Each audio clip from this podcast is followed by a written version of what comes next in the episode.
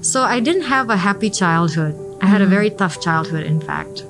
I didn't have a good relationship with my dad. Dulu ketika aku sangat depresi, tentu naturally biasanya muncul pemikiran-pemikiran untuk mengakhiri hidup dan sebagainya. Itu banyak terjadi pada orang-orang yang depresi. Gue pun di usia 3, 38 di tahun ini, gue pun bisa pergi besok loh. Orang-orang terkasih di sekitar gue, siapa pun itu bisa pergi besok loh. Semua manusia tuh pasti mengalami uh, hal-hal atau mengalami penderitaan dalam hidupnya. Bentuknya aja yang beda-beda. Tapi jangan sampai kita membiarkan penderitaan ini kayak borgol gitu. Apakah itu juga yang membuat Mbak Marisa sekarang bisa merasakan kedamaian ketika berada di pemakaman? Katanya sering ke pemakaman dan merasakan kedamaian. Actually Marisa, um, for me you are very positive, ceria, bubbly. Yeah, I mean that's that's kind of personality, very warm gitu. Walaupun Oh, misalnya baru you. kenal pun aku ngerasa kayak, wow ini ini orang kayak udah kenal udah kenal lama because it's it's just so fun gitu. It's, it's so positive. Thank you. Gitu. Um, pernah ngerasa sedih gak sih? Oh, yes, that's a stupid absolutely. question ya. Pasti iya ya. What is your Absolutely. lowest point in your life? 2015 I was deeply depressed. Deeply depressed. 2015 berarti setahun sebelum wawancara kita terakhir Oh, ya, iya. aku wawancara kamu kan. Kan kamu nggak tahu kan? Aku nggak tahu what happened in what happened in 2015. Um, singkat cerita, uh, di tahun 2015 itu aku umur berapa? 32 lah ya. Mhm. Usually aku ngerasa bahwa biasanya manusia kalau udah masuk usia-usia 30 ke atas itu adalah masa-masa refleksi, ya nggak sih? Iya. Jadi banyak mikir dan sebagainya. So I didn't have a happy childhood. I had a very tough childhood in fact. I didn't have a good relationship with my dad. Um, uh, singkat cerita akhirnya itu menimbulkan uh, komplikasi dalam arti di situ ada amarah, ada rasa kesal, ada resentment dan sebagainya. Di tahun 2015 itu uh, semua itu meledak. Segala macam uh, apa kesedihan dan kekecewaan yang aku rasakan sebagai seorang anak itu meledak. Dan pada saat itu ada momen di mana aku tuh menangis eh, setiap ha- hampir setiap hari ya. S- setelah setelah ledakan itu terus aku menangis setiap hari eh, tanpa alasan. Pada saat itu aku berpikir tanpa alasan. Hmm. Akhirnya suamiku kan yang ngeliatin, maksudnya dia observe lah ya. Saya bilang kayaknya ini ada hubungannya dengan apa yang terjadi antara kamu dengan bapak deh. Gitu. Kayaknya kamu harus harus mengekspresikan ini ke bapakmu gitu, ke kecewaanmu, amarahmu uh, atas apa yang terjadi di masa lalu gitu. Dan akhirnya suatu hari aku menulis surat sebuah surat yang cukup panjang ya menjelaskan semuanya gitu. Ya seorang perempuan sudah umur 32 tahun jauh lebih bisa untuk mengekspresikan kan perasaan dan sebagainya. Ya sudah pada saat itu reaksi pertama dari bapak adalah reaksi tipikal uh, mungkin ya orang tua di uh, kultur timur pasti langsung menyalahkan anaknya. Hmm. Pada saat itu dia bilang, kamu anak kurang ajar, dada di, dada, dada." Ya aku sudah antisipasi itu, dia pasti akan bicara seperti itu. Tapi ya udah, this is the facts, ini adalah faktanya. Hmm. Seminggu kemudian dia mirim pesan, pesan pendek. eh, akhirnya dia minta maaf. Dia minta maaf dan itu untuk pertama kalinya dalam hidupku selama 30 tahun sekian itu dia minta maaf atas kesalahan yang dia buat gitu, dalam keluarga kita.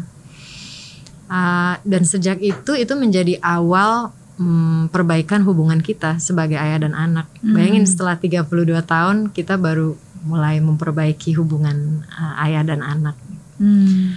So so of course I felt sad. Of course there's just so much so much pain in my childhood. Cuman uh, satu hal yang aku pelajari adalah ini untukku pribadi dan it works for me.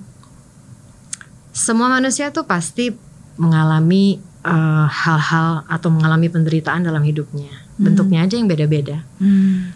Tapi jangan sampai kita membiarkan penderitaan ini kayak borgol gitu, yang selalu menarik kita ke kesedihan. Kita masing-masing harus cari cara sebaiknya untuk mentransformasi penderitaan itu Hmm. menjadi kekuatan kita. So the way I see my experience, um, my childhood uh, apa moment gitu ya, yang memang banyak sekali kesedihan dan rasa ketakutan, adalah belajar dari itu bahwa lo tidak akan mengulang apa yang orang tua lo lakukan. Hmm. That's it. Itu sulit juga sih, uh, Mer, karena kita harus selalu punya kesadaran itu. Kita kan sebagai anak, bener loh yang orang orang-orang suka bilang gitu, eh kamu hati-hati ya nanti anakmu tuh niru loh, Iya. niru. Itu beneran. Karena yang kita lihat dari orang tua kita gitu, naturally we think it's normal Ya. ya udah kita ikutin aja karena kita berpikir "Oh, bapak ibu juga begitu ya berarti oke this is probably okay gitu Iya. meskipun mungkin tindakan mereka pada saat itu tidak oke so yang perlu kita lakukan adalah kita sadar bahwa hang on a minute ini nggak benar nih Hmm. terus gue ada pasti gue akan ada kecenderungan untuk ngulangin nih apa yang bapak atau ibu gue atau paman atau siapalah figur pengasuh yang um, yang dia lakukan dulu gitu Hmm. sadari terus oke sekarang gue mau ngapain nih buat mengubah itu mentransformasi penderitaan itu menjadi sesuatu yang baik dan memutus rantai penderitaan itu sehingga anak gue cucu gue nggak perlu ngalamin apa yang gue alamin gitu. Yeah. but that takes work. You have to realize it and then you transform it. Banyak orang um, banyak orang autopilot aja gitu Mer. Yeah. ngulang lagi kan? Ngulang lagi kesalahan yang sama ngulang lagi ngulang lagi. Akhirnya ya you are creating damaged people in this world. Damaged children and then damaged people damaged adults terus aja gitu. So we have to cut the the chain of suffering Oke, oke. So how long does it takes for you to yang kayak tadi kan 2015 it was like so emotional, it was like the Yes. lowest point in your life. yes it was one of the I think One that was like the- the ultimate lowest point yeah. Iya. Jadi butuh waktu uh, berapa lama to pick yourself up and like sampai okay. sekarang juga aku masih terus Hmm. Jadi maksudnya masih terus em, apa berusaha untuk mengenal diri sendiri gitu. Hmm.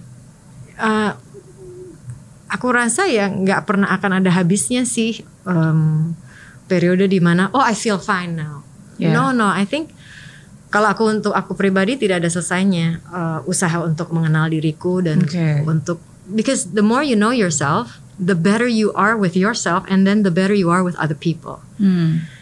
Karena kamu semakin jejak gitu. Dalam dirimu sendiri ketika kamu semakin jejak maka perilakumu ke orang lain juga akan akan nyaman gitu. It's just you're just gonna be relatively comfortable with people and people will be relatively comfortable with you. Hmm. so it's a journey for me. Like you said like I think my life I see my life as a journey. Ya aku yakin aku pasti akan melakukan tetap akan melakukan kesalahan-kesalahan namanya juga manusia Yeah.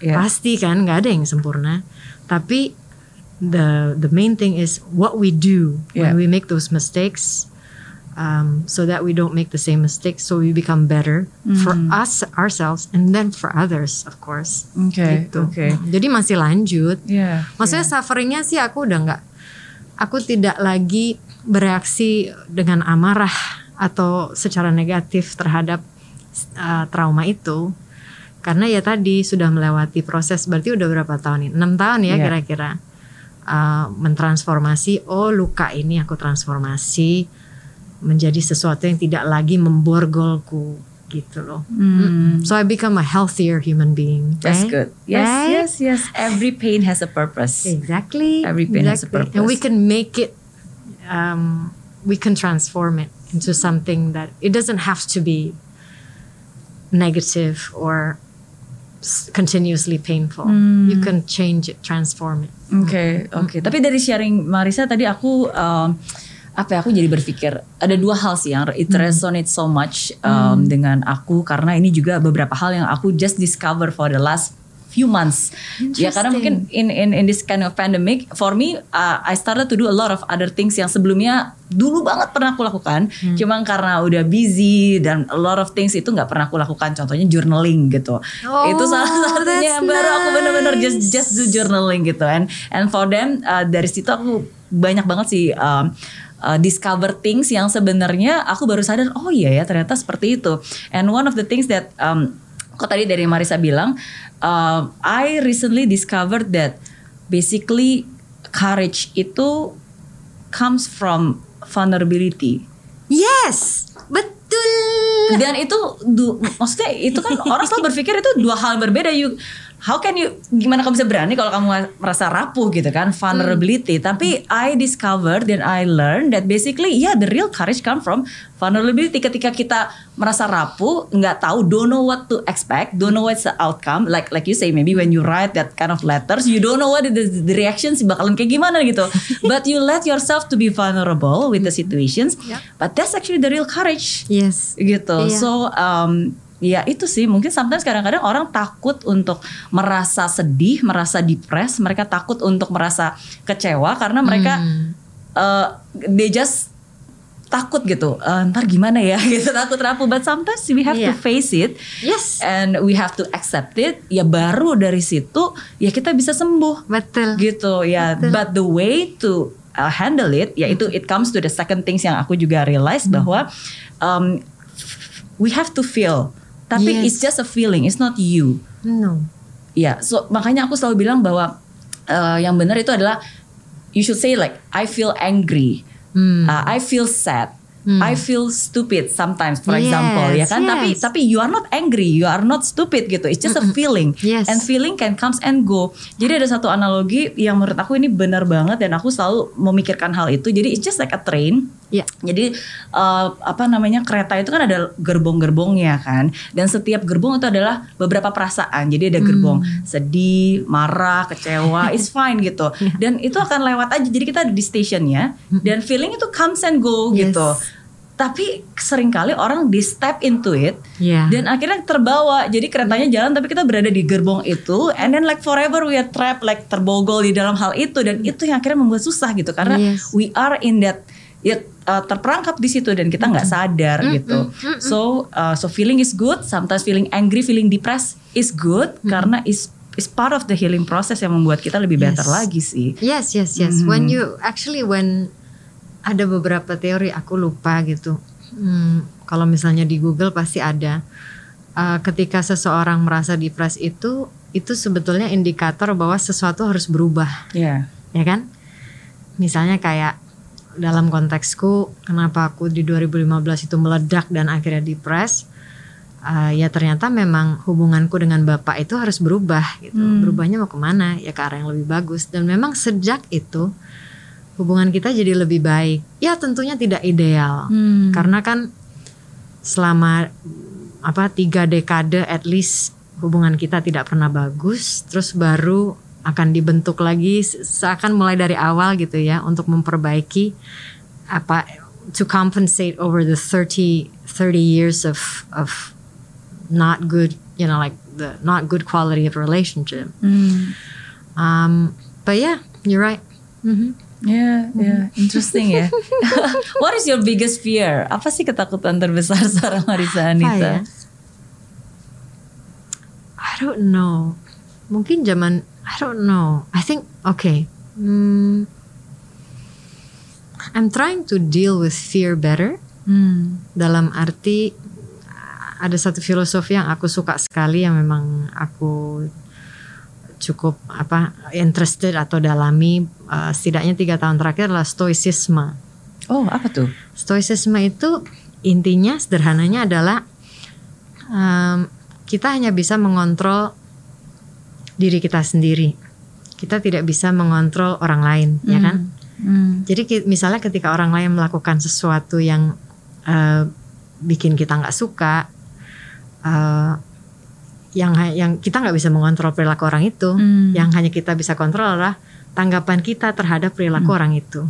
So you can only control uh, yourself, you cannot control others, you can only control how you feel about what others do. Hmm. So that's stoicism. Hmm, jadi ketika Mary bicara tentang fear, mungkin zaman dulu dan mungkin zaman sekarang juga satu hal yang aku takutkan adalah kehilangan orang-orang yang aku sayangi. Hmm. Betul-betul aku sayangi gitu. Tapi di saat yang sama aku berpikir bahwa death is natural. Semua orang pasti akan mati, semua orang pasti akan meninggal gitu. Um, so I'm trying to accept Ya. ya kan? Menemukan balance gitu bahwa ya of course aku akan sedih banget gitu. Misalnya uh, orang-orang yang aku sangat sayangi di sekitarku itu pergi meninggal. Tapi di saat yang sama itu adalah proses yang sangat alami gitu. Di Hmm. mana ada kehidupan pasti ada kematian. Itu yang sudah terjadi selama ini. Oke. kayak ketika bapakku akhirnya bukan akhirnya ya maksudnya bapakku uh, meninggal di uh, tahun 2020 di bulan Agustus Oh, so sorry to hear that. Thank you so much. Mhm. Um, itu kepergian dia sangat-sangat uh, tiba-tiba karena dia kena stroke pendarahan, tiba-tiba saja dia pergi, gitu. sudah meninggal. That taught me a lot. Um, that taught me a lot. Karena ketika bapak pergi, aku banyak sekali memproses begitu banyak emosi kan. Hmm. Um, ya di akhir istilahnya di akhir memproses sebenarnya tidak di akhir memproses juga karena sampai sekarang aku masih memproses tapi kerja apa yang terjadi pada bapak kepergian dia yang begitu cepat uh, dan for- I think it's quite painless karena dia langsung pergi Hmm. Um, itu mengajarkanku pada bahwa ya semua orang akan suatu hari pergi dan kita tidak tahu kapan kita akan pergi Hmm. dan itu bikin aku ngerasa bahwa gila gue gue pun di usia 3, 38 di tahun ini gue pun bisa pergi besok loh. Orang-orang terkasih di sekitar gue siapa pun itu bisa pergi besok loh. Hmm. tapi itu ngajarin gue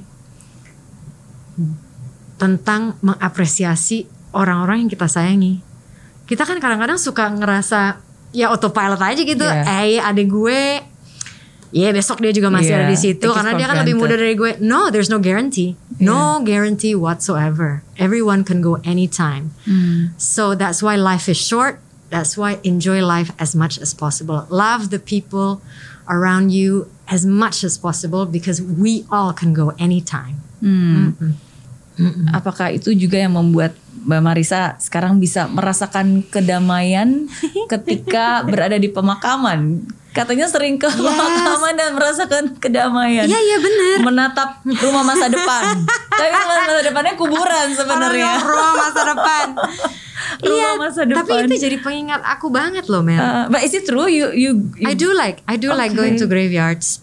Apalagi ketika uh, apalagi di Eropa gitu ya, graveyardsnya kan indah-indah Oh ya, gitu. bersih, tertata. Uh-uh. Ya mungkin karena itu ada satu satu apa tuh namanya ya? It's, it's not a philosophy, mungkin satu pelajaran hidup namanya memento mori. Exactly yang tadi aku bilang. Ingatlah hari kematianmu. Kenapa? Karena ketika kita ingat bahwa suatu hari kita akan mati dan kita nggak tahu itu kapan, Hmm. itu akan membuat kita lebih hidup. Dalam arti Hmm. gue akan menjalani hari ini sepenuh-penuhnya karena gue nggak tahu besok gue tuh masih ada hidup atau enggak gitu. And ketika kita ketika aku melihat kuburan misalnya, ya itu adalah masa depan aku suatu hari nggak tahu kapan. Itu jadi pengingat aku bahwa makanya lu enjoy lah hidup lu sekarang karena suatu hari lu hanya akan ada di tanah itu dan that's it. Sudah tidak ada lagi di zaman itu yang membedakan antara aku yang dulu dan sekarang. Dulu ketika aku sangat depresi, tentu naturally biasanya muncul pemikiran-pemikiran untuk mengakhiri hidup dan sebagainya. Itu banyak terjadi pada orang-orang yang depresi. Uh, kehidupan terasa unbearable gitu ya. Hmm. But now pikiran itu sudah sudah tidak ada lagi karena aku berpikir bahwa well one day I'll die might as well just enjoy life now you know while I can still see I can still breathe I can still eat good food Yeah. not so good food experience a lot of things you know so there you go Mm-hmm. Wow. Yeah. Wow. Wow, another life lessons. Great mind. Makanya is, is, is- I I think sometimes kadang-kadang memang um, the the important assets itu actually what's in the person's mind. Karena kan kita cuma ngelihat dari luarnya aja dan kita mereka-reka dan menerba- menerbak-nebak gitu kan. Tapi what actually comes in their mind, their thinking process, uh, itu sih yang benar-benar mutiara banget gitu, gems banget. Iya. Wow. Oke. mau ngomong apa lagi Iya iya iya. No, no, no aku sedih mampus itu kan. Gila teman-temanku udah tahu aku bego. Terus sekarang malah makin menggaris bawahi bahwa aku bego karena aku nggak diterima di SMA Don Bosco Pulau Mas. Carilah waktu setiap hari untuk uh, ada dengan diri sendiri. Maksudnya hmm. udah nggak usah main gadget nggak usah apa lu diem aja. Cari waktu bosen.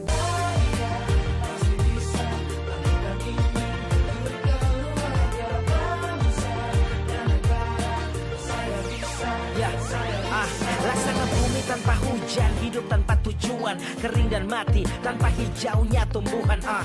Demikian kalau mimpi tak kunjung terjadi.